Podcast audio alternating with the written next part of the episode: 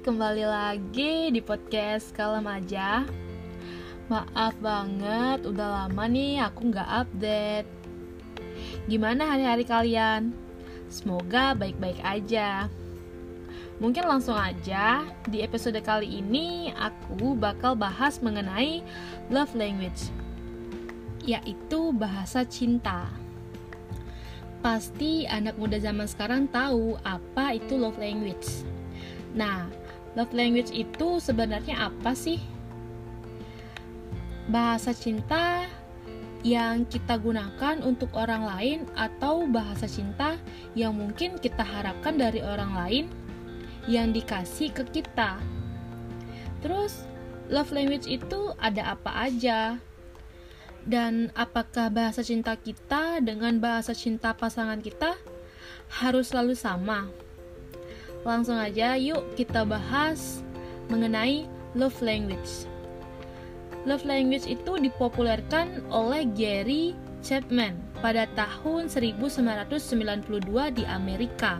Nah, love language ini merupakan komunikasi cinta atau bagaimana cara kita untuk mengkomunikasikan cinta kita kepada orang lain. Tentunya love language ini tidak hanya untuk pasangan, tetapi bisa ke keluarga, sahabat, teman, kakak, adik, dan siapa saja. Dan love language bukan hanya berkaitan tentang dengan komunikasi cinta kita, tapi bagaimana mereka untuk menunjukkan cintanya kepada kita. Pada dasarnya, setiap orang memiliki lima bahasa cinta. Yang membedakannya kadar yang lebih dominan.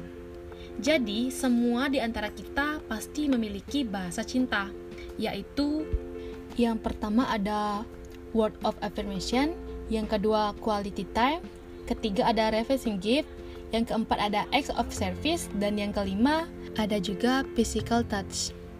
Dan biasanya orang-orang yang bahasa cintanya dengan word of affirmation akan menunjukkan cintanya dengan kata atau kalimat seperti kamu keren banget hari ini.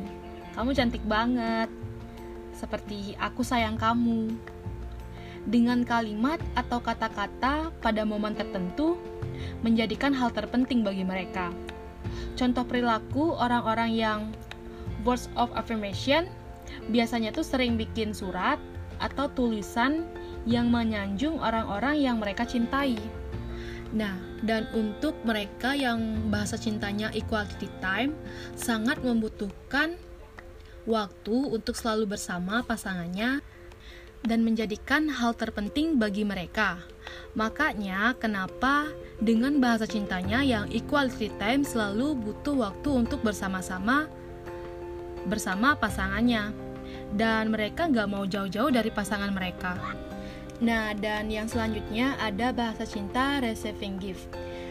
Di mana bahasa cinta ini akan memaknakan pemberian hadiah sebagai bentuk cinta. Bukan karena harganya atau brandnya, tapi melainkan makna di balik hadiah ataupun apa sih cerita di balik hadiah yang dikasih Mungkin orang-orang dengan bahasa cintanya receiving gift dan di mana mereka sering menyimpan barang-barang dari orang yang dicintai. Sementara orang-orang yang melakukan bahasa cintanya seperti acts of service akan melakukan hal-hal yang sifatnya membantu atau melayani sebagai bentuk cintanya karena ia mementingkan orang yang mereka cintai terlebih dahulu dia yang menunjukkan bahwa cintanya itu bisa dilakukan melalui apa pun yang ada di dalam dirinya. Contohnya, uh, seperti dia akan menjemput atau mengantar, menemani orang yang dia cintai ke mana pun. Dan yang terakhir ada bahasa cintanya yang physical touch, di mana biasanya mereka menunjukkan dengan melalui sentuhan, bisa dengan merangkul, mencium, menggenggam, ataupun memeluk dan bisa juga seperti secara sederhana mungkin mengelus kepalanya atau menepuk pundaknya ketika ia merasa bangga kepada orang yang dicintai. Sebenarnya, komunikasi itu penting dalam suatu hubungan karena dapat mengetahui bahasa cinta kita kepada pasangan kita dan dapat membuat kita lebih menjadi empati dan membuat hubungan menjadi berkualitas dan intimasi dalam setiap hubungan. Tetapi, love language itu bisa aja berubah-ubah tergantung lingkungan dan kebutuhan pola pikir kita. Jadi, kalian udah pada tahu belum bahasa cinta yang kalian mau? Nah, sekian dulu podcast kali ini dan aku ucapin terima kasih sama kalian yang udah mau dengerin uh, pembahasan sekarang dan sampai jumpa.